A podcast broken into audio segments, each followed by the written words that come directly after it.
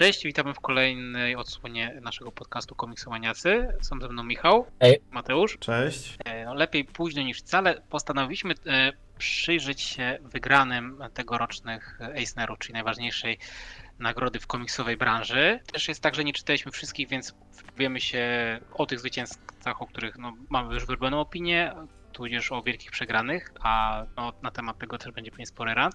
E, Nawet tak może tak statystycznie chciałem powiedzieć, że no, chyba największym przegranym, znaczy jeśli chodzi o wydawnictwo, jest Marvel Comics, gdzie bezpośrednio nie dostali oni żadnej statuetki, czy tam czy, czy twórca, czy tytuł, mają dwie współdzielone. Czyli to zazwyczaj tyczy się twórców typu, nie wiem, koloryści, rysownicy, którzy rysują dla różnych wydawnictw. Najwięcej zgarnęło Fantagraphics. Tutaj chyba w sumie mogę, mogę powiedzieć, bo chociaż potem może daleko tego nawiążemy, aż z tych czterech nagród to większość zyskało za serię Monsters Barego Winsora Smitha. No i to wiem, że zna, żaden nas nie czytał, ale z kolei komiks ma się ukazać po polsku przy nakładem Ucha Comics, no ale jeszcze tego nie doszło, więc y, biorąc pod uwagę, jak został tutaj doceniony, to pewnie y, sprawdzimy. Y, No i tak poza tym chyba z tego, co widziałem w statystykach, no to IW zyskało trzy statuetki, Image zyskał trzy, ale w tym dwie współdzielone. DC Comics też dostało trzy i tak samo jak Image dwie współdzielone, więc tak, tak się rozłoży, rozłożyły te nagrody w miarę porówno, chociaż bez takiego y, oprócz Fantagraphics i IW typowego prowadzącego. No polecimy może po kolei tymi kategoriami, no mówię, tam, tam gdzie mamy co do powiedzenia, to powiemy. E, Pierwszą mm, kategorią, którą, za którą przystałem statuetkę, to było Best Short Story e, i tutaj wygrało Funeral in Foam wydawnictwa Iron Circus. No ja tutaj przyznam, że o wydawnictwie nawet wcześniej nie słyszałem, e, no i no, niestety nie miałem okazji też czytać żadnej zdenominowanej historii. Znaczy, to tak, to z tej kategorii też nie czytałem wszystkiego, bo tutaj są właśnie też takie rzeczy, których w ogóle nawet nie kojarzyłem przedtem, ale sprawdziłem te rzeczy, które, które wyszły od DC, czyli to e, Short Story Generations od Daniela Warrena Johnsona, która się pojawiła w Superman Red and Blue i to jest bardzo fajne takie właśnie trochę o, o e, właśnie związane z Supermanem, bo, bo tam głównym bohaterem jest oczywiście Papa Kent. E, i to, to fajnie bardzo wyszło. E, I jest też Tap Tap Tap Larego Nila i Jorge Fornesa z Green Arrow e, 80th e, Anniversary Special. I to też było fajne, bo to było takie właśnie takie krótkie, bio- biograficzne właśnie spojrzenie na, na Denisa O'Neill, który na jakiś czas temu, zdaje się, że rok temu, e, niestety zmarł. No i w sumie tyle mogę powiedzieć. No ale to, to szybko przechodzimy do kolejnej e, kategorii, to jest bez single issue e, łamane na one shot i jeszcze jest taki dodatkowo, że to must be able to stand alone, no, czyli jakby no, historia zamknięta w ramach jednego zeszytu. Też tak, zwycięzcą jest Wonder Woman Historia The, The Amazons autorstwa Casey DeConnick i Phila Jimeneza. Y, No tutaj też akurat tego nie sprawdzałem, no jedynie jakby przykładowe plansze, które wyglądały niesamowicie. Wśród domniemanych była jakaś historyjka z Myśli Straży. Akurat tej nie miałem jeszcze okazji sprawdzić, chociaż samą Myśl Straż yy, w przyszłości czytałem i to była naprawdę bardzo fajna seria. No i dla mnie chyba największym przegranym w tej kategorii. No, wygrał DC, ale też przegrał DC jest 87 zeszyt Nightwinga, czyli ten, który był zrobiony w ramach takiej jakby wielkiej jednej rozkładówki, liczącej 20 kilka stron. No to tego, to ja tak powiem może. E, bo tak, bo tu jeszcze było te Marvel Voices Identity, to tak, to jeżeli chodzi o poziom tego komiksu, to ja go wczoraj czytałem, ale nic z niego nie pamiętam, więc to może dużo powiedzieć. Ale mam, mam go zapisane, że go przeczytałem, czyli go przeczytałem. To jest to tyle o tym komiksie. To zwycięzca, czyli ta Wonder Woman, no to no jest przepięknie narysowana, o tyle powiem, bo jakby historia tak średnio mi podeszła, ale, ale jest po prostu pie, pięknie zilustrowany i warto ten zeszyt przeczytać dla samych ilustracji moim zdaniem. A oczywiście to, co mnie najbardziej tutaj boli, o czym później pewnie też jeszcze pogadamy, że znalazł się tutaj, jak w wielu innych kategoriach, Nightwing Toma Taylora i Redondo. Chociaż ten zeszyt to przede wszystkim był Redondo, bo to był ten, ten ciągły obrazek, który przez te 20 parę tam stron się ciągnie, z którego ludzie robili przecież panoramy, to wszystko i no niestety bardzo żałuję, że to nie wygrał, bo to była mega prosta historia taka, że to po prostu Dickowi ukradli, ukradli psa, czy zginął pies i on po prostu przez miasto e, szuka tego psa, ale to jest jedna wielka, piękna panorama, którą e, w niektórych krajach wydali właśnie tak, tak, że się rozkłada i to super to wygląda. Niektórzy robią to samodzielnie, czy zdjęcia tej panoramy wyglądają super, no ale jak się czyta, to czuć po prostu jak się płynie przez ten komiks i tutaj Redondo zrobił fantastyczną robotę i bardzo żałuję, że to nie wygrało niestety. To się pewnie Znaczy- wydawało w momencie ukazania. No tak, to jeszcze tym bardziej, że no to jednak poszerza w jakiś sposób możliwości tego, co można zrobić w komiksie. Więc, więc pod tym względem szkoda, że, że to nie zostało docenione, bo jednak, no po pierwsze Redondo jest, jest wspaniały i tutaj robi roboty, no po drugie właśnie ten, to jak to wykorzystanie e, właśnie tego pomysłu, to, to działa, więc no szkoda.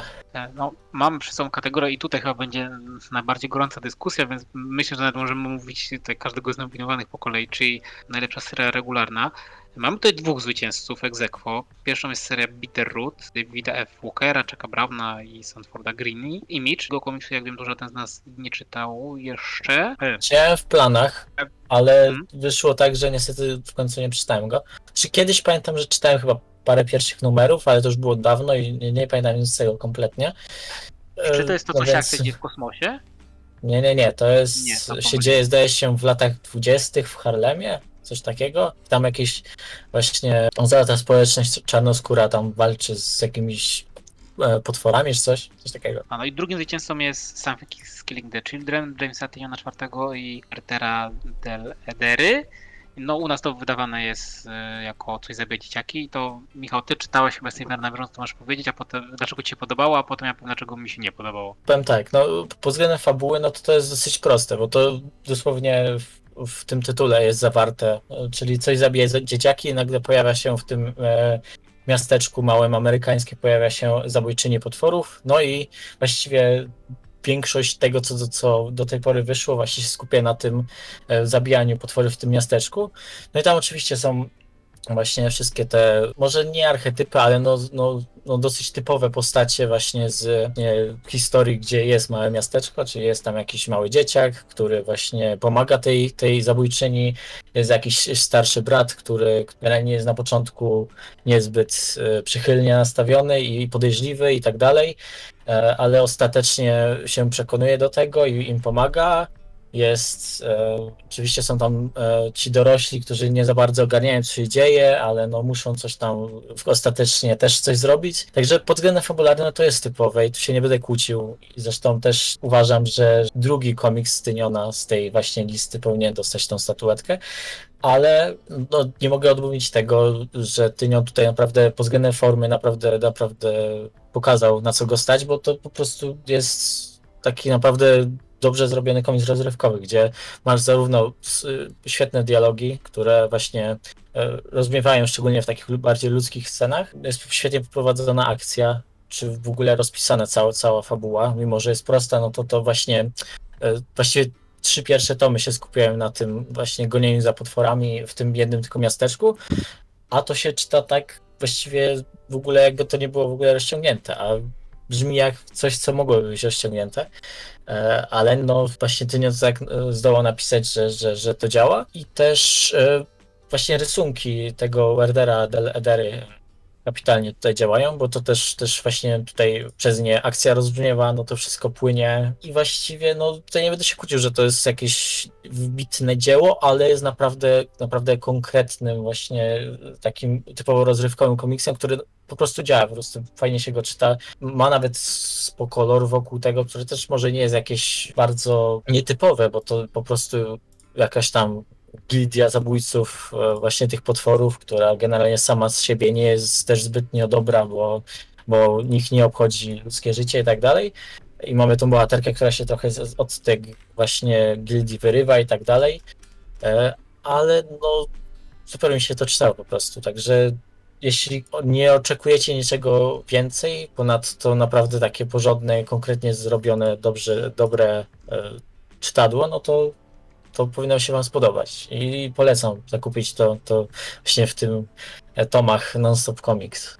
Ja się trochę właśnie dałem nabrać, co mi się rzadko zdarza, że na, na ten hype, bo ta strona była tak hypowana, ona tam wiem, że się No była, sprzedawała była. i tam fenomenalnie, przy to do druki, to, to, to ma teraz jakąś serię spin-offową nawet, Yy, no to, no, to dzięki tej serii tak naprawdę Tynion się wybił tutaj w horrorach i poza DC. Miałem, miałem chyba za dużo oczekiwania, rzadko mi się zdarza podchodzić, ale no tutaj rzeczywiście podszedłem akurat będąc na fazie czytania większej ilości komiksowych horrorów. No i totalnie mnie nie, nie zażarło. Znaczy, po, przeczytałem dwa tomy, Okej, dialogi są fajne, rysunki, no nie, nic nie mogę tutaj zarzucić, kolory też tutaj dopełniają tą robotę, ale no mam problem z tą protagonistką. No dużo lepiej nie rozumie te postacie, no na, nazwijmy to tak, tych połowych śmiertelników niż ją. Wydaje mi się trochę taka jednowymiarowa, tak, no, brak jakiejś głębi czegoś, no, dzięki czemu miałbym jakoś bardziej kibicować, oprócz tego, że chcę zabić potwory.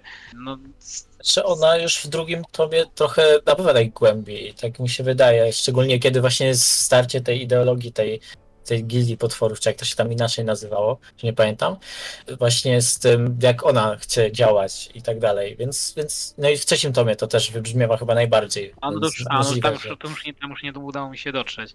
No, a w czwartym jest jej rozumiem. origin. Sorry. Aha, no to nie, nie, no ale no, tam, tam nie planuję już wracać. Yy, Mati, ty czytałeś? No i ja się za, kiedyś, jeszcze przed poprzednimi Eisnerami za to zabierałem, ale jakoś tak, jakoś mnie to nie chwyciło wtedy i teraz mam zamiar się za to zabrać, ale cały czas to od siebie odsuwam, mimo wszystko. Może to też trochę awersja do, do Tyniona, że, że nie chcę jakoś. Yy, No właśnie, myślę, że mimo awersji Tyniona to ta druga seria, yy, czyli The, Department of Truth, Departament Prawdy, też u nas przez nas to komiks wydawany. Wy- Jest takim komiksem, który też widziałem, że ludzie, którzy na przykład za Tynion tak niespecjalnie przypadają, to ten komiks mi się podobał. Mi się podoba z, zajebiście i uważam, że jest to wiele lepszy, choć jest totalnie inny niż coś zabija dzieciaki. Znaczy, no rysunkowo raz, że tutaj Martin Simons odwala tutaj naprawdę kapitalną robotę, taką w stylu Billa Sienkiewicza. No i to, też nie jest typowy robot, to jest komiks de facto o teoriach spiskowych z takim trochę twistem Sandmanowym, że wiara kształtuje rzeczywistość. I tu w dużej mierze mam przede wszystkim teorie spiskowe właśnie z horrorem, taką tą, tą, tą, tą grozą i tajemnicą, no i gadające głowy przez większość komiksu, ale seria jest kapitalna. No ja czytałem tylko te dwa tomy, tutaj Michał, wiem, że jak ty sprawdziłeś, no trochę popłynąłeś trochę dalej. No już, już sprawdziłem trzeci tom też, bo to po angielsku czytałem. No i jest, jest fantastyczna seria, faktycznie. No tak jak mówiłem przed, przed chwilą, no z tych dwóch Tyniona, no to ta jest znacznie lepsza i według mnie ona powinna zdobyć tą statuetkę. Po pierwsze, no robi wrażenie to, że to faktycznie są właściwie tylko dialogi przez większość czasu. Akcji tam jest bardzo mało, a to wciąga niewyobrażalnie. Zresztą tam też są czasami takie zeszyty, gdzie mamy na przykład całe strony, które są e, jakieś z jakiegoś dziennika i to nadal wciąga, gdzie jest jakaś na przykład prawie że debata między dwoma postaciami, której e, jedna z nich tłumaczy drugiej e, jakąś właśnie skomplikowaną rzecz z tymi teoriami spiskowymi i tak dalej. Zresztą nawet, nie wiem, tłumaczenie tych teorii spiskowych też dużo zajmuje w tym, w tym tomie, czy w tych zeszytach, a to się czyta świetnie. No i też, też research, jaki ty tutaj zrobił, żeby właśnie wszystkie te teorie spiskowe ogarnąć i właśnie wpisać je w tą fabułę, to to super działa. No i ten trzeci tom, o którym właśnie ty jeszcze, tego jeszcze nie czytałeś, to to on jest w ogóle jeszcze przeniesieniem przeszłość, gdzie mamy tego Lee Harvey'a Oswalda, który już w pierwszym tomie się pojawia. No i tam mamy właśnie rozwinięcie trochę tego lore właśnie Departamentu Prawdy. No i jestem bardzo ciekawy, gdzie to pójdzie dalej. Czekam teraz na kolejny tom, bo ja nie, nie za bardzo lubię takie niezależne se- serie czytać zeszytowo, ale no jak tylko wyjdzie tam na jesieni kolejny tom, czwarty, to na pewno sprawdzę, bo, bo to jest taka seria, która myślę, że się znajdzie w mojej topce tego roku, jeśli, No u mnie, jeśli znaczy, nic ja- nie stanie. Jeśli chodzi o tą topkę przynajmniej rzeczy danych w Polsce, no to pół metry już mamy roku za nami, a no ten pierwszy tom będę miał na pewno wysoko w mojej top liście, ten, ten, który był dany w Polsce. Drugi też jest świetny czekam aż non-stop comics da trzeci. E, No jeszcze były dwie nominacje, które no, nie udało się zgarnąć statuetki. No Nightwing no po raz drugi tutaj dostał kopa w klejnoty od Akademii. No ale powiedzmy, no rany świeży, no jeszcze potrwa, więc może w przyszłym roku, ale chyba największym przegranym tutaj jest Immortal Hulk, no Nieśmiertelny Hulk seria już zakończona i to była jej ostatnia szansa na zgarnięcie statuetki Eisnera. Tutaj wiem, że Mateusza to boli chyba nawet bardziej niż mnie, więc proszę, to jest twoja chwila na rant. Zarówno przegrana Nightwinga, jak i Mortal Hulka boli mnie bardzo, ale mimo wszystko, choć jestem wielkim fanem Toma Taylora, to jest mój ulubiony scenarzysta, no to naprawdę chciałem, żeby Immortal Hulk w tym roku to zgarnął, no bo to była ostatnia szansa tej serii, a Ewing tu po prostu odwalił, no po prostu arcydzieło to jest, no to jest 50 zeszytów plus kilka one-shotów i to po prostu człowiek płynie przez ten komiks. Tak jak mam, mam zastrzeżenia do Ewinga czasami, że przesadza, że, i że nie, że po prostu te jego komiksy są zbyt intensywne, tak, no i Mortal Hulk, no to jest cudowna pozycja, no od samego początku z tym motywem One Below All, jak to później pojawiają się te zielone drzwi. Później e, wchodzimy w osobowości Bruce'a Bannera,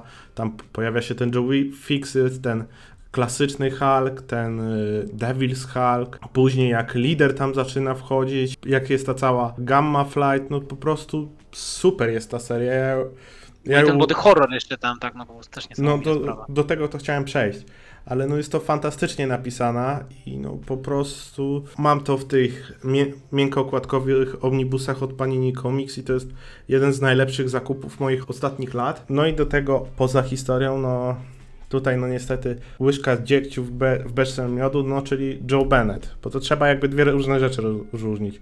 No Joe Bennett okazał się okropnym człowiekiem, tam już nie chcę się wgłębiać w to, ale no w każdym razie nieraz prezentował swój antysemityzm, ale to na bok, bo jeżeli chodzi o samą oprawę graficzną, no to zrobił tu fantastyczną robotę. No tego mu nie można zabrać. Jakby cieszę się, że nie będzie pracował nad kolejnymi tytułami, no bo nie. Chociaż tro, trochę trzeba oddzielać mimo wszystko twórcę od jego dzieła, ale to, to, co zrobił tu w Halku, no nikt mu nie zabierze, no to są fantastyczne prace. Ja uwielbiam tę serię, no na pewno kiedyś jeszcze o niej pogadamy, może jak się w Polsce będzie kończyć, ale no... Ja To jest, chętnie wrócę do całości wtedy. no, to jest Ja też. ale no to ten Immortal Hulk to jest mój największy zawód, no bo Nightwing, no wiadomo, patrząc na to, jak się ta seria cały czas rozwija, to moim zdaniem ma szansę na zdobyć Eisnera w przyszłości, chociaż tutaj jest jeszcze ten problem, że dyskryminacji superhero, że tak powiem, a Immortal Hulk no już nie zdobędzie. Ten run się skończył w zeszłym roku, no to, był, no to było wielkie wydarzenie, jak to się kończył, no całe komiksowo o tym rozmawiało, które przynajmniej ja znam, Ci, w Polsce teraz też jak ktoś to czyta, no to też słyszę same zachwyty, no i to jest tak jak z ostatnich lat, to jest chyba na, ta, największy przegrany moim zdaniem. Ten właśnie Immortal Hulk był nominowany chyba 3 lata z rzędu. No na pewno był w 21 roku nominowany, w 20 już nie pamiętam. No i w tym roku był. Więc przynajmniej dwa lata z rzędu, nie wiem czy nie trzy, a nie zgarnął statuetki, co, co niestety mocno boli. No nie, no ja, ja uwielbiam Ewinga, uwielbiam jak tutaj w tym Immortalu Hulku rozwinął tą postać e, i, w ogóle przedstawił masę ciekawych konceptów i tak dalej, więc no, no szkoda, ja się zgadzam w pełni. Możemy przejść do następnej e, kategorii, jest to Best Limited Series. E, Znaczy tak, zwycięzcą było The Good Asian. Tutaj wiem, że to mieliśmy w planach przeczytać i chyba nikomu z nas się nie udało. Ja przeczytałem jedynie pierwszy numer, więc powiem to tak krótko, no, że wygląda to jak e, Chinatown z, udziałem tutaj no, azjatyckich postaci, tak? Znaczy to chyba było pierwsze pokolenie tych e, imigrantów czy- już wychowanych od dziecka w Stanach. No i taki zanosi się na rozsały kryminału, więc na pewno sobie do tego wrócę, ale to no, rzeczywiście była taka seria, która wymaga raczej większego skupienia i tego pochłonięcia taką większą dawką na raz. Wśród nominowanych to właściwie nie mogę nic innego powiedzieć o serii Hocus Pocus, bo mam nominowane było też, a nie zdobyło Stray Dogs, czyli taki kryminał widziany z perspektywy psów i tutaj y, udało mi się tam rzutem na taśmę przeczytać pierwszy zeszyt i byłem, jestem naprawdę zaintrygowany i muszę do tego wrócić. E, Supergirl Woman of Tomorrow y, Kinga i Evely, no to o tej już mówiliśmy kiedyś, tak? No, no wyczytaliście. Y, Ja przeczytam kiedyś jak będzie po polsku, bo po tych kilku pierwszych zeszytach jestem zachwycony. Zarówno tym, jak tutaj King pisze inaczej niż zazwyczaj i to, jak Bill Quiz Evely rysuje, to jest jakieś mistrzostwo świata. Jeszcze było The Money Devs e, of Laila Star, to Michał o tym opowiadał, kiedy mówiliśmy o naszych ulubionych seriach. Y, No ja w końcu się złam- złamałem, przeczytałem i naprawdę super komiks, y, taki dający do myślenia i coś zupełnie innego niż myślałem, bo myślałem, że albo będzie bardziej meta, albo będzie horrorem. Nie jest ani tym, ani tym, ale jest naprawdę świetną historią. I życzyłbym sobie, żeby to ktoś u nas wydał kiedyś po polsku.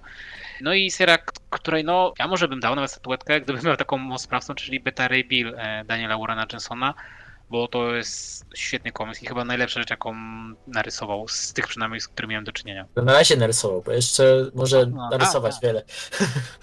Nie, ale się, ja się zgadzam, że Better Bill jest świetny, ale ja bym jednak dał Many Days of Laila Star, bo uwielbiam ten komiks. No tak jak mówisz, no on daje do myślenia, jest naprawdę kreatywny pod wieloma względami, chociażby pod względami narracji. Ten trzeci zeszyt, e, którym właściwie całość jest opowiadana z perspektywy niedopale, no, niedopalonego papierosa, to jest ciekawy eksperyment. Też jest dużo właściwie nawiązywania do historii, do kultury Indii i tak dalej, więc pod tym względem też jest naprawdę ciekawe. Zresztą to Ramvi też w Swamp Thingu używa. Także no ja z tych wszystkich e, bym wziął mimo wszystko to, mimo, ale i tak trochę szkoda, że. Znaczy, nie obraziłbym się, jakby Supergirl albo Beta Ray Bill też dostali docenieni, bo, bo to są też naprawdę świetne komiksy, które naprawdę mi przypadły do gustu. E, I trochę dziwi mnie, że Good Asian jest tutaj, ponieważ tego co widziałem, to, to ma więcej zeszytów niż, niż tam 6. Nie wiem, czy to jest limited faktycznie. Ja zawsze Ale- uważam, że jakby limited to jest gdzieś tak tych 12, tam Do maxi A, no serii. możliwe. Do maxi serii, a to ma 10 zeszytów. No to możliwe, nie wiem. E, No dobra, to może ja coś powiem tak. No to no Good Asian, no to tak jak e, Damian, jeden zeszyt przeczytałem, no fajnie tam wyglądało, no ale już nie, z- nie zdążyłem więcej. Na pewno nadrobię. A co do reszty, no to przeczytałem tak Beta Ray Billa i no, super się na tym bawiłem. Św- Świetny komiks. No było już o tym mówione wcześniej u nas, no ale no, więc nie chcę się powtarzać, ale no Daniel Warren Johnson zrobił tutaj fantastyczną robotę, a i czuć, że jako jednocześnie scenarzysta i rysownik miał wszystko idealnie rozplanowane to i ponieważ jest utalentowany w obu dziedzinach, no to w przeciwieństwie do takiego Marfiego w, w jego Batmanie, no to tutaj nie dość, że oprawa graficzna jest fantastyczna, to jeszcze dialogi i historia jest super. No ale nie wiem, czy bym dał temu Eisnera, szczerze powiedziawszy. Później tak. e, Many Death of Layla Star, to też przeczytałem i zgodzę się, że to jest super komiks, ale moim zdaniem na troszeczkę jakby te zachwyty, które mówiliście, były przesadzone, ale to może dlatego właśnie, że się za dużo na ich, ich nasłuchałem, bo jako sam komiks sam w sobie, no jest super. Też mi się mega podobało. on jest bardzo kameralny. Właśnie Tak. ja myślałem, że zupełnie inny. Mi ten hype trochę jednak zaburzył odbiór, ale tak jak na chłodno myślę o tym komiksie, to dalej się fantastycznie bawiłem. Chociaż momentami mi kreska troszeczkę nie pasowała, bo kolory są super. To ko- kolory na bok, ale sama kreska momentami moim zdaniem troszeczkę no, nie trafiała w mój gust, no ale no to, to tego nie zmieni niestety. No i coś, co ja, co z, tej, z tego co ja czytałem, co mi się najbardziej podobało, o czym zresztą już mówiłem wcześniej, no to jest w odcinku Odyssey, no to jest ta Supergirl, Woman of Tomorrow Kinga, no i no to była super seria, a im dłużej o niej myślę, to jeszcze bardziej mi się podoba. Do tego była fantastycznie narysowana, fantastycznie pokolorowana, czy, czym właśnie, bo jak sam pomysł fabuły, histo- historii, dialogów to jest ten sam co Men Devs of Lila Star, to tak mi dużo bardziej kreska w tym komiksie podeszła i chyba dlatego bym dał jej Eisnera, bo z kolei ten Beta Ray Bill momentami jednak tam był dla mnie troszeczkę akcją przeładowany, żeby wygrał z tymi dwoma tytułami w moim ranki- osobistym rankingu, ale no nie czytałem, nie czytałem całego Good Asians, Hocus Pocus czy Stray Dogs, więc nie wiem jak te tytuły mi podejdą w przyszłości. Jeszcze w ogóle, tak a propos tego, co czym się tym Laila Star, zresztą, który jest prowadzona z perspektywy papierosa, to on powinien być nominowany jako Best Single Issue, to też jest fenomenalnie przeprowadzone. Tylko nie wiem, czy on spe- spełniłby kategorię, bo to nie byłaby zamknięta historia. No tak, a No faktycznie. niestety. No, no nie, no to Jakby z, no, z, po, z pojedynczych zeszytów to rzeczywiście ten z tych, co czytałem w zeszłym roku, no to bardzo, bardzo mi zapadł w pamięć ten z papierosem, no tylko, że to mam w miarę na świeżo. Co jeszcze bym tak przyrównał na ten moment do tego, to nie wiem, szczerze. Po... A, no na pewno ten Nightwing bardzo mi się podobał, na podobnym poziomie, no tylko, że tam była pojedyncza historia, a tutaj mimo wszystko mamy część no, tej y, miniserii w tym wypadku, bo to pięć zeszytów było. Kolejna rzecz na e, liście to Best New Series. E, No i tutaj tak jest ultra mega nie czytałem, Not, Not All Robots również. Red and Black, to, no wy już o tym mówiliście. E, Ja spróbowałem, ale po pierwszym staraku no nie, nie zażarło mi jakoś, e, to trochę nie mój klimat. E, No wygrał znowu James Tinion, tym razem z The Niles Nice House on the Lake. E, To seria, która wciąż jeszcze trwa, ona tam jest na 12 zeszytów e, rozplanowana, wychodzi w ramach DC Black Label. Czytałem pierwszy zeszyt, muszę przyznać, że zaintrygował mnie, ale widzę, że to jest coś, co się powinno czytać e, hurtem, nie, nie tak z zeszytu na zeszyt co miesiąc. I no raczej jestem bardziej niż pewien, że to się ukaże w polsku, tak? No tym bardziej, że to jest Black Label i po tych statuetkach, i które zdobył Tynion, więc poczekam sobie, sprawdzę wtedy. Więc tak naprawdę mogę powiedzieć jedną rzecz o tym, co nie wygrał, czyli The Human Target. E, I o tym już też kiedyś wspominałem, to jest kryminał Toma Kinga i Grega Smaluda, wciąż obecnie wychodzący, jest fenomenalny i myślę, że to będzie moja topka Kinga, bo ja, ja uwielbiam kryminały w takim starym stylu pisane. Znaczy, e, jeśli chodzi o te dwa tytuły, o których teraz wspomniałeś, e, to Human Target i Nice House on the Lake, to czekam właśnie, aż się skończą. O Nice House on the Lake słyszałem bardzo dużo dobrych rzeczy, więc, więc e, no, jestem ciekawy, co z tego wyjdzie.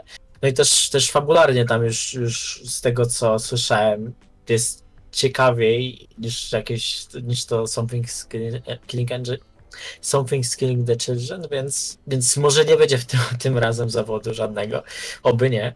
Z tych serii, no to tak jak e, Damian mówiłeś, to Radiant Black e, czytaliśmy razem z Matim, no i, i to o tym już mówiliśmy, więc się nie będę powtarzał, zresztą zostawię to Matiemu, bo on chyba nic stąd nie czytał więcej, ale za to ja mogę powiedzieć o Ultramega, które, które przeczytałem i to jest naprawdę fajny komiks. Nie wiem, czy on by zasługiwał na Eisnera, ale na nominację myślę, że jak najbardziej. Szczególnie, że, że no jest kreatywny, jest właśnie fantastycznie narysowany. Generalnie całość się opiera e, na takim pomyśle, co by było, gdyby po tam jakiejś walce z kaiju między tam jakąś taką, takim superbohaterem z kosmosu, który że dobra, to jest moc z kosmosu, która trafiła na człowieka i on stał się tym superbohaterem, e, który tam ma walczyć z tymi kaiju. No i, i to jest właśnie w pierwszym zeszycie, więc, więc trochę zaspoileruję. Co by było, gdyby właśnie cała ta walka skończyła się tragicznie i większość miasta została zniszczona, a e, jakby wirus, który jest, e, doprowadza do tworzenia tych kaiju, jakby zostaje właśnie odseparowany od reszty miasta i powstaje jakby takie excluded zone właśnie w tych ruinach, gdzie są jakieś e, wierzenia właśnie dotyczące kaiju, gdzie są właśnie te gdzie przywódcami są właśnie ci tacy nie, nie rozwinięci do końca kaiju i tak dalej. E, no i tam też są oczywiście ludzie, którzy, którym właśnie jeden z nich jest główny, głównym bohaterem. No i, i pod tym względem właśnie takie połączenie tego kaiju z tym takim właśnie trochę postapokaliptycznym klimatem, to to fajnie działa. No i walki tam też są super właśnie poprowadzone przez to, że, że zarówno za rysunki, jak i za scenariusz opowiada James Harren, także pod tym względem też, po prostu ma kontrolę nad wszystkim, także, także to fajnie wychodzi. I nadal Daniel Warren Johnson zrobił lepszą robotę w tym swoim beta rebuildu, jeśli chodzi o takie właśnie połączenie e, właśnie scenariusza i, i rysunków idealny sposób, ale, ale tutaj też doceniał na pewno starania. No, no to tak jak z tych z nowych serii, no to tak, na Kinga czekam w całości. No Tynion, no to tak, na Tyniona to ja niestety po jego tytułach w DC, no niestety, no trudno jest mi się przemóc, ale no chyba w końcu to zrobię. No, no, to, to jest jego taki redemption dark, jeśli chodzi o Torpid dla Boom Damage, czy tutaj dla Black Label właśnie. Poza no. Superhero to naprawdę daje radę. No to muszę właśnie sprawdzić, bo już miałem parę razy, także scenarzysta tak superhero już nie domagał, a później w niezależnych rzeczach bardzo dawał radę, tylko zawsze to było z dużym opóźnieniem, ja się za to zabierałem. No a z tego co czytałem z New Series, no to dalej to jest Radiant Black oczywiście, to już tak jak Michał wspomniał, no to da, cały czas od tamtego mówienia się nic nie zmieniło, jak gadaliśmy o tych niezależnych rzeczach i dalej mi się ta seria podoba. Da, dalej moim zdaniem jest to bardzo fajne przedstawienie tego superhero, tak trochę y, w oderwaniu od większego uniwersum, które ewidentnie będzie do tego tytułu dopiero dobudowywane i co się zapowiada na bardzo fajny ongoing. Może nie na, nie będzie to po, poziom Invincible, jeżeli chodzi o bas w fandomie czy coś, ale na pewno to będzie w przyszłości taka seria dobrze wspominana. O, tyle powiem. A jeszcze mogę tylko powiedzieć, że no ale robot na pewno sprawdzę kiedyś, bo, bo to mm. jeszcze to Mark Russell, to, to, to się samo przez się jakby, no, no, to jest świetny scenarzysta. No i on też, ta seria chyba dostała statuetkę za publikację humorystyczną, w sensie tą e, komediową, nie? Więc, więc chyba no jednak warto. Wiemy. No, ja chyba no. też to tylko, że Mark Russell. Y, no, nie, nie, nie będziemy mać wszystkich, wszystkich kategorii, no, też tam damy link do do zwycięzców i do nominowanych. E, kolejne dwie kategorie to są pozycje dla czytelników do 8 roku życia i następna to między w przedziale 9 a 12. E, no mi się zdarza czytać takie rzeczy, y, ale no to po polsku, więc tutaj żadnej z tych pozycji, które były nominowane nie znam. W kategorii z kolei dla nastolatków, czyli przedział 13-17 lat, zwyciężyło The Legend of Auntie-Po, to pierwsze słyszę, ale jest inna seria, którą akurat czytałem i jest to Strange Academy e, Scottiego i Huberta Ramosa. O tym też mówiliśmy w tych mniej, mniej znanych seriach i no, wtedy było, akurat kiedy tam to nagrywaliśmy, było bodajże tydzień przed ukazaniem się ostatniego numeru. Było wiadomo, że będzie kontynuacja, ale było to takie oszustwo, bo ten ostatni numer nawet nie zamyka story arku, tylko zostawia w takim wielkim, otwartym punkcie, że no, to jest jakby dalej ongoing, tak? Ale podobało mi się, bo czekam, co będzie dalej z tymi bohaterami, więc to jest e, bardzo fajna seria, ja się przy tym naprawdę świetnie bawię. E, I tutaj znowu się pojawiła też seria, którą pisze James Tynion IV, czyli Wind z, e, z wydawnictwa Boom. O tej serii to przyznam, że tytuł kojarzę, ale nic, nic z tego nie czytałem. Siłą rzeczy już jakby zaspoilerowaliśmy, że no, Total Robots wygrało w kategorii Best Humor Publication, no i tak, no ja też to sprawdzę, bo Mark Russell, no sprawdzam jego rzeczy po kolei i naprawdę jeszcze się nie zawiodłem, więc to trochę taki pewniak. W kategorii Best Anthology no, tu wygrało You Died and Anthology of the Afterlife z Iron Circus wydawnictwo. Ale są tutaj rzeczy, które osobiście chętnie bym sprawdził, jak Superman Return był cała, cała antologia, bo ile te kolorowe rzeczy, które wychodzą teraz z Marvelu, to tam do tego czasami nawet kijem nie warto tykać, bo nuda straszna. Ale jest też seria taka horrorowa, która wychodzi w ramach Image, Silver Coin, tam jest mnóstwo e, interesujących artystów i to cały czas mam na liście do sprawdzenia. Nie wiem, czy wy coś mieliście okazję sprawdzić z tego? Nie, ale też słyszałem dobre rzeczy. No to, no właśnie to jest e, o tyle ciekawe, że właśnie Michael Walsh odpowiada za wszystkie te e, zeszyty opozycyjnych rysunków, a różni scenarzyści biorą się właśnie za każdy z tych zeszytów. No i jako, że to jest właśnie po to antologia, no to to jest cała antologia oparta o ten tytułowy srebrny, e, srebrną monetę, więc no ciekawy jestem.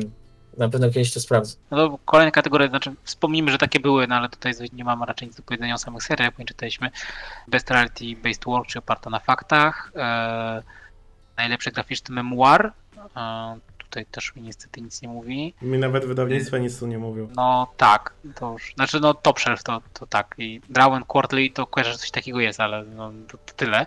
E, Best Graphic Album, New, z takim zaznaczeniem, e, no to tu wygrało właśnie Monsters, Barego i Cora Smitha, e, No i ma też nominację to Destroy All Monsters, czyli to tam to kolejna ta seria powieści graficznych Eda Brubackera i Shana Phillipsa, więc też Rzeczywiście tak, i jest coś takiego na liście, ale no ja mam z nimi tak, że się czekam jak uwiję cały story arc w całości, albo chociażby historia, bądź sama seria, tak jak chociażby z, e, z Kill or Be Kill, tak, zabij albo zgiń. Więc to na pewno sprawdzę. No ale to ja jako nie robię to raczej sprawdzian, że to jest przynajmniej solidna rzecz. Mm, Więc zobaczymy. No to Monsters naprawdę intryguje. E, Potem mamy reprint najlepszego e, klasycznego albumu, e, czyli kompletnie amerykańscy bogowie Nila Gaimana. Ja lubię Nila Gaimana i amerykańskich bogów, chociaż nie jest to jego najlepsza praca, e, jeśli chodzi o prozę. E, Ale no, tutaj komiksowej wersji nie czytałem. Widzę też jeszcze, że jest między innymi Lock and Key, Key House Compendium. E, No ja akurat Lock and Key czy- czytam e, w oryginalnych tomach i czy zbieram, tak czytałem wcześniej w oryginale, ale nie wiem jak wygląda kompendium, więc tutaj nie, nie wypowiem się na temat jakości wydania tychże. że z Middle West e, tam Complete Tale, czyli ta wszystkie 18 zeszytów, to jest Scottiego Younga i Jorge Corony, który teraz Bad Girls e, ilustruje. I to czytałem kiedyś sześć pierwszych zeszytów i to było naprawdę super i kiedyś do tego na pewno wrócę, bo, bo to no jest taki fajny, fajny klimat w tym wszystkim. Potem mamy najlepsza adaptacja z innego medium. No tutaj chyba nic nie powiemy.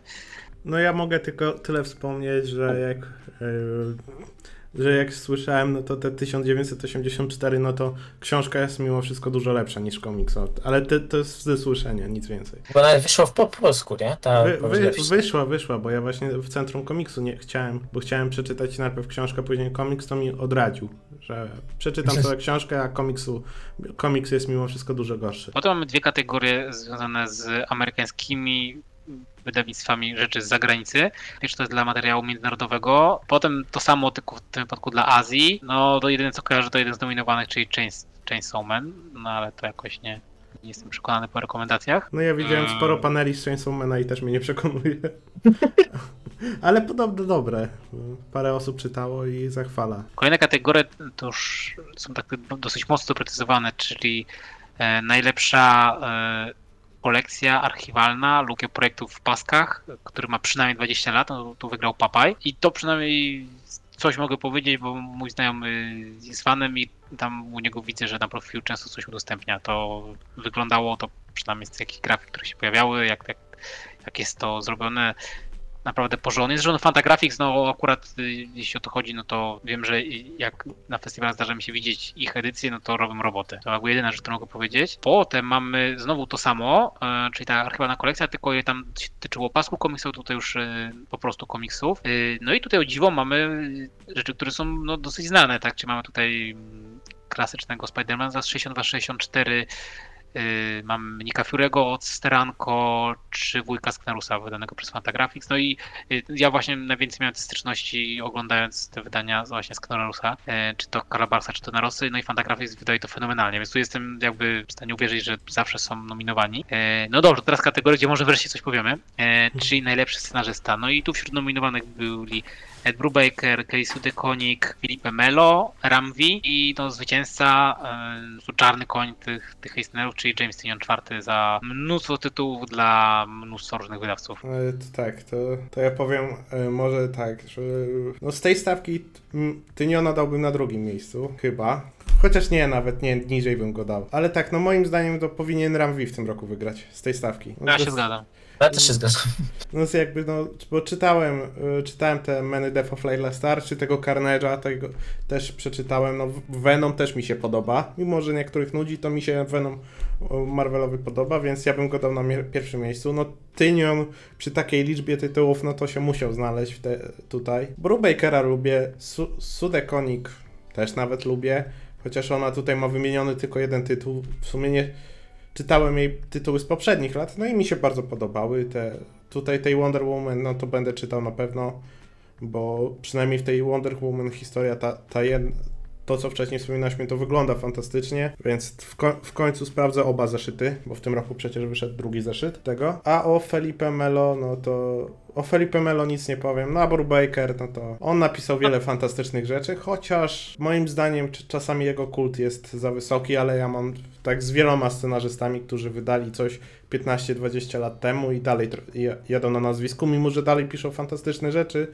to hype i buzz wokół nich często jest już moim zdaniem przesadzony. Znaczy to bardzo zależy, że Brubaker to szczególnie hype jest jak coś robi z Seanem Phillipsem.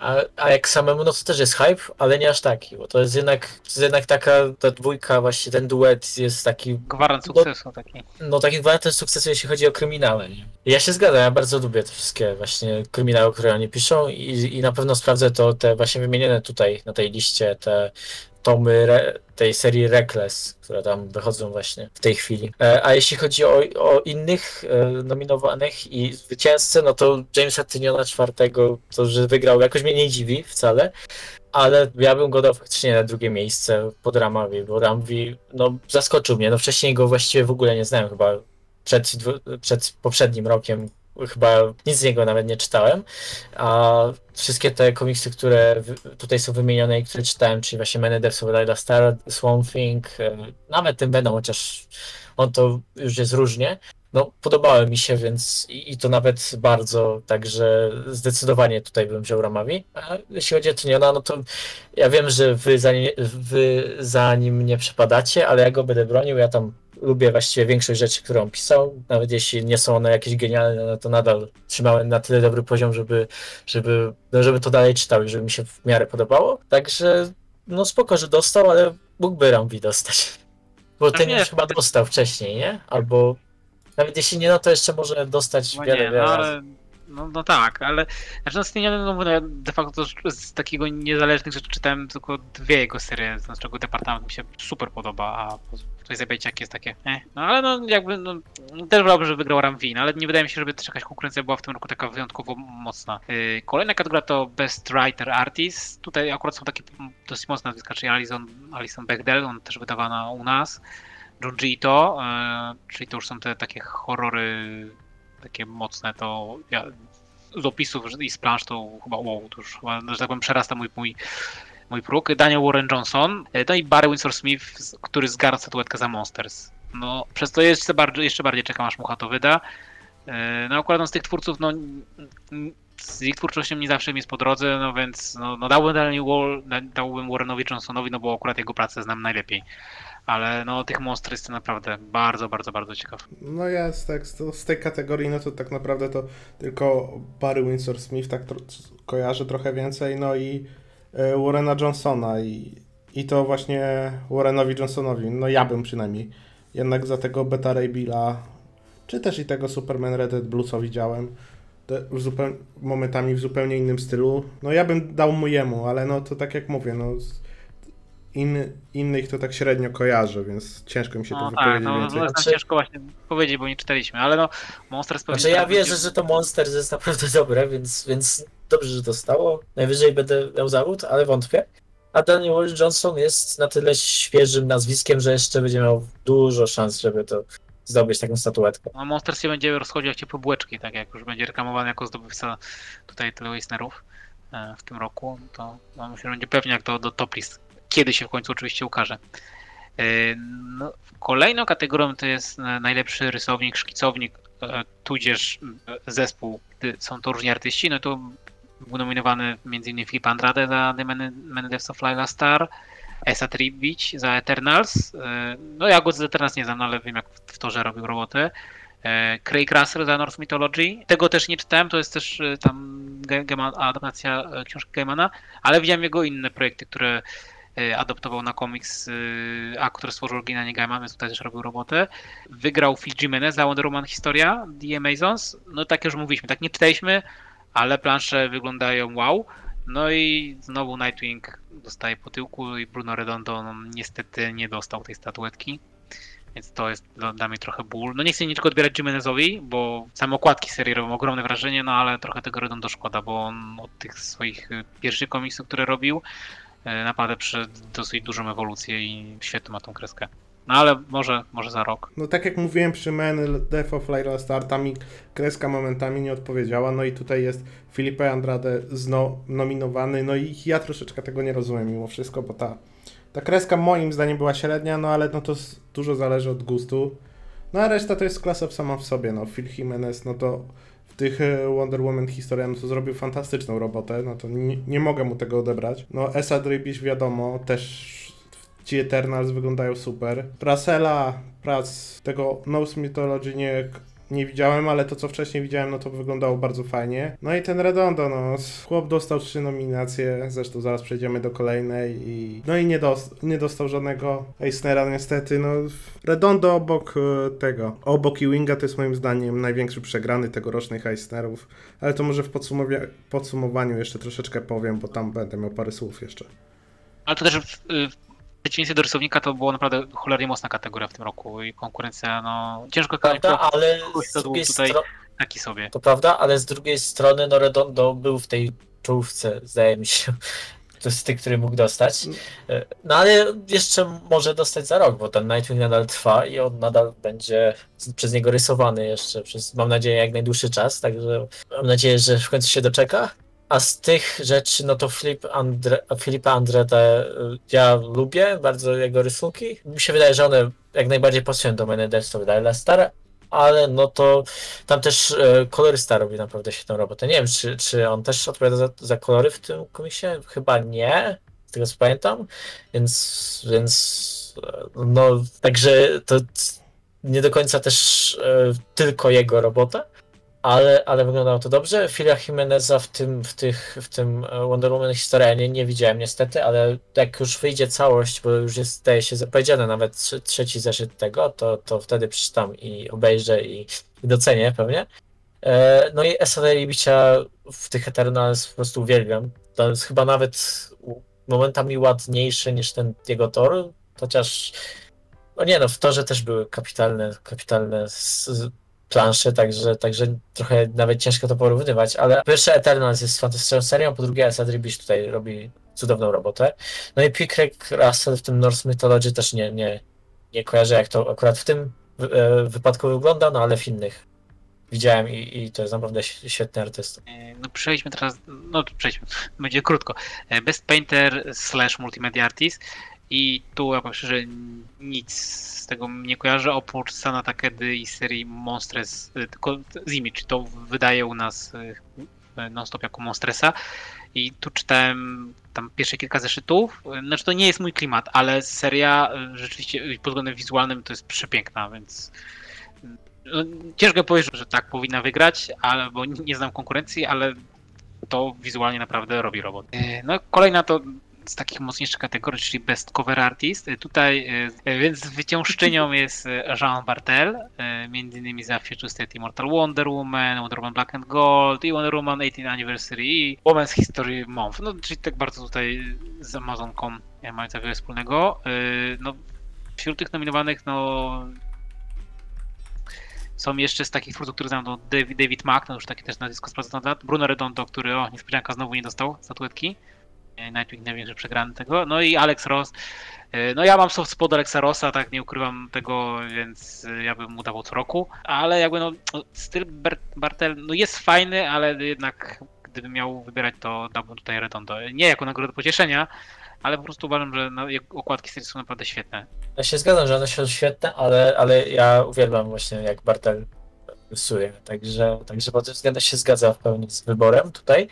E, No ja jak z tych wszystkich seriach, które są tutaj wymienione, no to wiadomo, w okładkach świetnie wypada, tak jak kiedyś już wspominałem, niespecjalnie, znaczy no spoko jest jak, jak rysuje właśnie e, sam komiks, ale mi się wydaje, że właśnie w okładkach najlepiej działa, przez to właśnie jak bardzo fotorealistyczny jest jego styl. No dobra, to o Redondo, no to już mówiłem, no wielki przegrany, te okładki, tak jak prace wewnętrzne w Nightwingu są super. Ross, wiadomo, klasa sama w sobie, no to ro, rok w rok pokazuje swój poziom.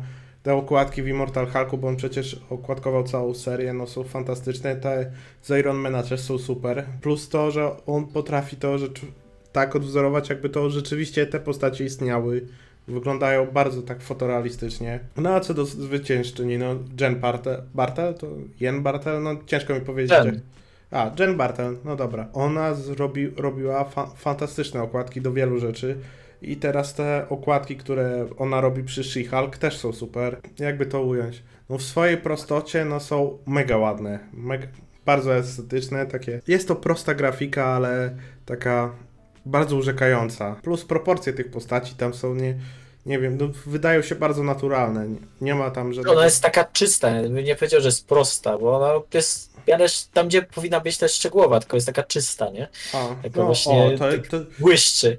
to jest, to jest le, lepsze powiedzenie, że czy, czysta właśnie, no mega są te okładki, no tylko no, znowu, no y, Redondo, no to jest rysownik, który był w trzech kategoriach nominowany jako za zeszyt, no bo to był przede wszystkim jego zeszyt, za najlepszego rysownika wewnętrznego i za najlepszego okładkowego i nic nie dostał i to jest, to, to jest naprawdę zaskakujące, bo to jest jedyny rysownik z tej stawki, który zdobył tyle nominacji, a nie dostał niczego i trochę tego nie rozumiem, szczerze powiedziawszy, ale no już trudno. Potem mamy najlepszy kolorysta. Tutaj zwyciężył Matt Wilson za Undiscovered Country, za Firepower, Eternal Stora, e, Wolverina i Roan and the Impossible Monsters. To nie mam pojęcia co to jest. Tutaj od siebie tylko dodam, że wśród nominowanych jest też m.in. Filip Andrade i Ines Amaro za The Man and Death of Star. E, I rzuciłem sobie okiem w międzyczasie, jak wyglądają e, pozostałe komisy. Ja bym jednak dał tutaj twórcom The Man and Death of Star, jeśli chodzi o moje preferencje estetyczne. Matt Wilson już właściwie często dostaje chyba te statuetki, bo tak mi się kojarzy, że on już kiedyś no, no nominacje dostaje chyba cały czas, bo, bo to jest jednak jeden z lepszych takich e, kolorystów w tym momencie.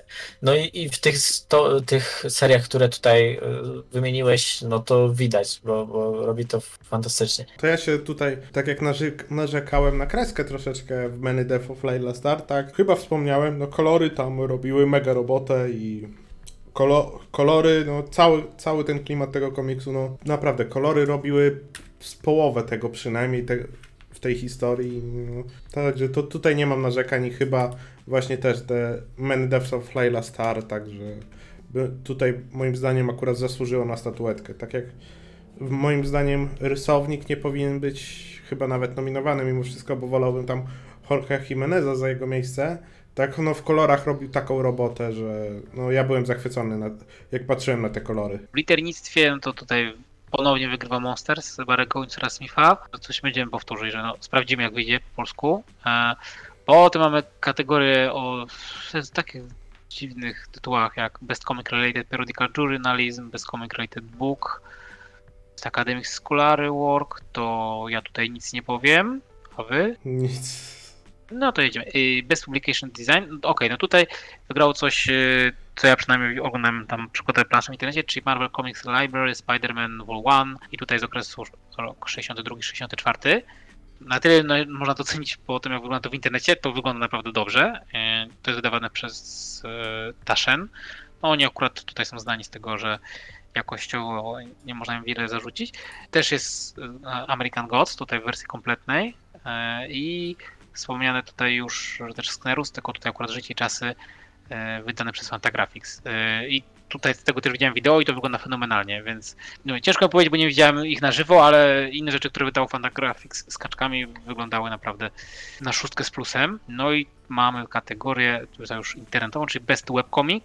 E, Wygrało Lore Olympus autorstwa Rachel Smith. No ja o tej serii mówiłem, kiedy mówiliśmy o naszych ulubionych tytułach i wciąż uwielbiam tę serię i zeszyt, który czytałem e, ostatnio, czyli mówiąc ostatnio, to będzie e, ostatni dzień e, lipca, a był super, jest, no, historia naprawdę tutaj robi się coraz bardziej interesująca. No i Batman Wayne Family Adventures, o którym też była mowa i który też jest świetną serią, ale jest to seria nowa, więc mam nadzieję, że znajdzie się w przyszłym roku wśród nominowanych i że wtedy sobie zgarnie, bo Olympus zdecydowanie zasłużyło, żeby zostać nagrodzone. No to ja się mogę tylko wypowiedzieć o tym, o tym Batmanie i no on jest super, no ja uwielbiam ten, nie wiem, to jest na, chyba najlepszy komiks z tym, z Batrodziną od lat, z tą taką szeroką Batrodziną, bo jakby no tytuły solowe, no to moim zdaniem, no, no choćby Nightwing jest lepszy, ale, bo to jest e, taka mocno komediowa seria, niezobowiązująca, ale jest z takim sercem napisana, ja się świetnie na tym bawię, no, a, no ale no nie czytam za dużo webkomiksów, także no ciężko mi tu coś więcej powiedzieć. No ja czytałem tylko z tych Batman Wayne Family Adventures tylko parę części.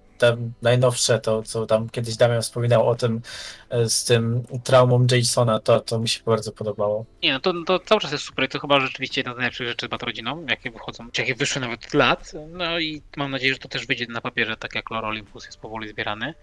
Yy, Kolejne kategorie, tu zostajemy trochę w też takich klimatach internetu, czyli Digital Comic. Wygrał Snow Angels Jeffa Lemaira i Joka. Znaczy ja sprawdzam po kolei rzeczy Lemaira, tego nie miałem okazji. Tylko- Może nie Lemaira, tylko Lemira, Z tej listy to ja tylko Jeffa czytałem. a i Jeff Clay Thompson.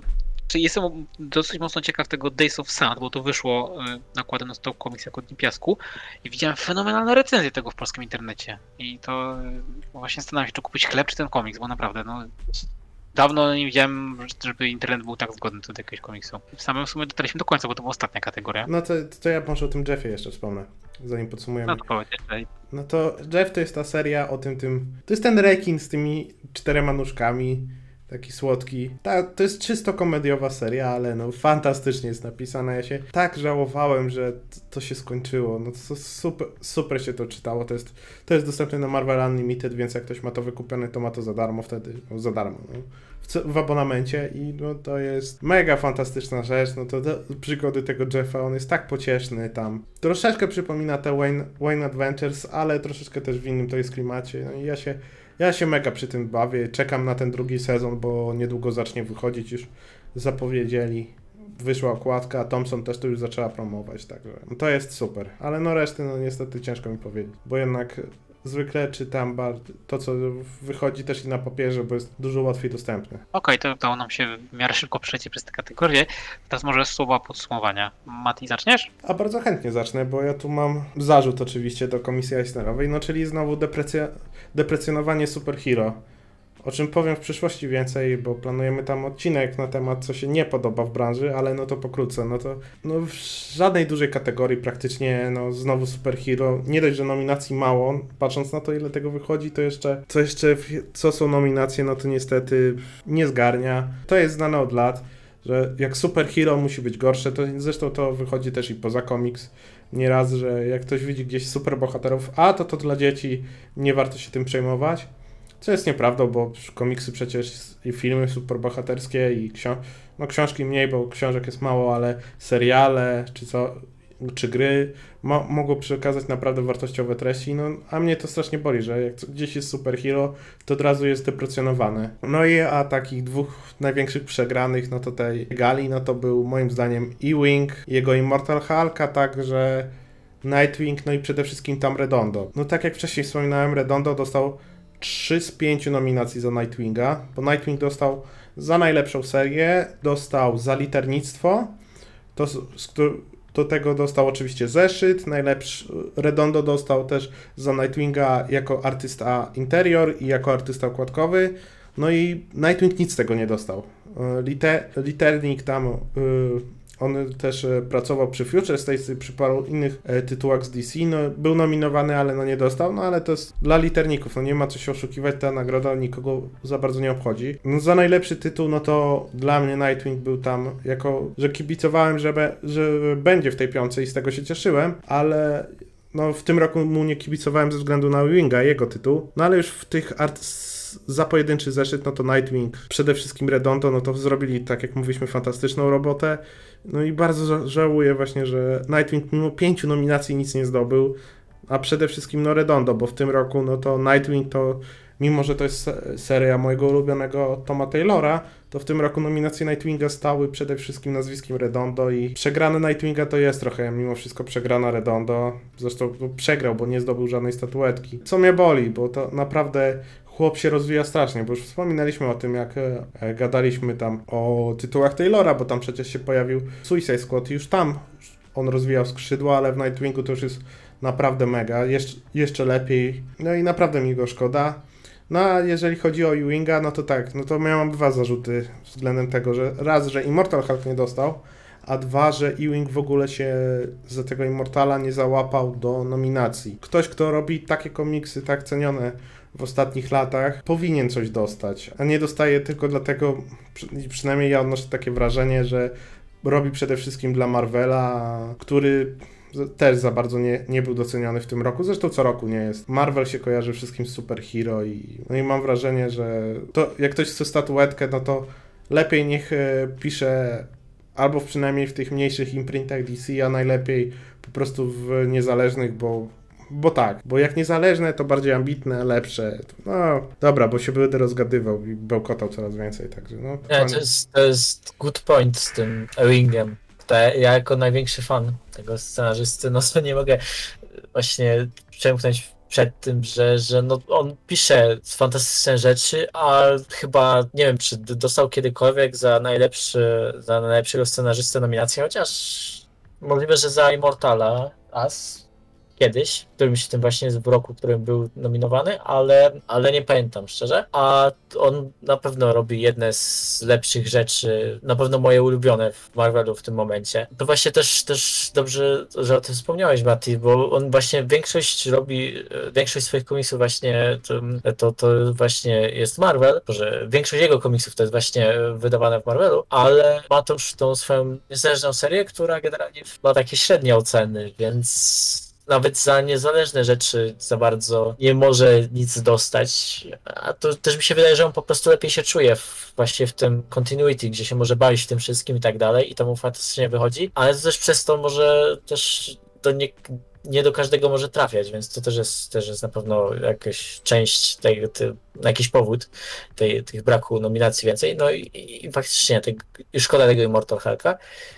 Jeszcze też wcześniej wspomniałeś o tym, że Jorge Jimenez nie dostał żadnej nominacji i mi przypomniałeś o tym i faktycznie powinien kurwa dostać i nawet bym oddał tego Filipa Andrade, żeby za niego właśnie Jorge Jimenez wszedł. Chociażby właśnie, chociażby za Batmana, bo tam robi fantastyczne rzeczy. Także mam nadzieję, że kiedyś zostanie doceniony, bo to jest jeden z lepszych artystów aktualnie. No tak, no to Jorge Jimenez, no no też, no tak jak już wcześniej teraz go w tym podsumowaniu nie wspomniałem, ale no rzeczywiście, no brakuje go tutaj, no ale, no ale no dalej, przede wszystkim Redondo, który no, był trzykrotnie, no, trzy, no w sumie trzy i półkrotnie, bo w najlepszej serii no to też rysunki robią robotę, a nie dostał nic. No niestety. No ja się trochę powtórzę, no, ale, ale ciężko coś dodać. Też no zgadzam się jak najbardziej, że no Redondo no, jest tutaj niedoceniony. Ja nie mówię, że musiałby dostać za wszystko, czy że akurat za tego najlepszego rysownika, ale nie wiem, czy za okładkę, albo czy za coś, co wydawało się, jak wspominałem, raz pewniakiem, czyli ten e, zeszyt, który był wielką rozkładówką, to tutaj no, no zabrakło tego. Yy, że nie ma Jorge Jimeneza, no rzeczywiście, jak się na to zastanowić, to też dziwne. To może w przyszłym roku, bo też wypadało, był to jeden z najlepszych rysowników, jakich ma DC. Niektórzy mówią nawet, że obecnie najlepszy. Y, no i ten nieśmiertelny Hulk, no, no szkoda go. Więc ciężko powiedzieć, czym, czym, czym się kierować przez tyle lat nie dostało. Nie wiem, czy tym, że rysownik troszeczkę jest spalony w tym momencie w branży, ale... W tamtym roku jeszcze nie był spalony. Tutaj tego akurat nie rozumiem, więc tutaj jest taki mój największy zawód, ale bardzo się cieszę z Olympus, który już, dla którego to nie była pierwsza nominacja w historii, ale że, że dostało tym razem tutaj, bardzo, bardzo się z tego cieszę. No i to chyba właściwie tyle. E, mieściliśmy się całkiem nieźle w czasie. E, No to Ma- Mati już zaczął narzekać na branżę, więc e, tu będzie na, prawdopodobnie na dłuższe nagranie, e, które sobie zrobimy w najbliższym czasie. No i dziękujemy za słuchanie i zapraszamy tutaj też do kolejnych odsłon i byli ze mną Michał Szczebak, Hej. Mateusz Czechowicz, Cześć. ja się nazywam Damian Maksymowicz i do usłyszenia następnym razem. Cześć.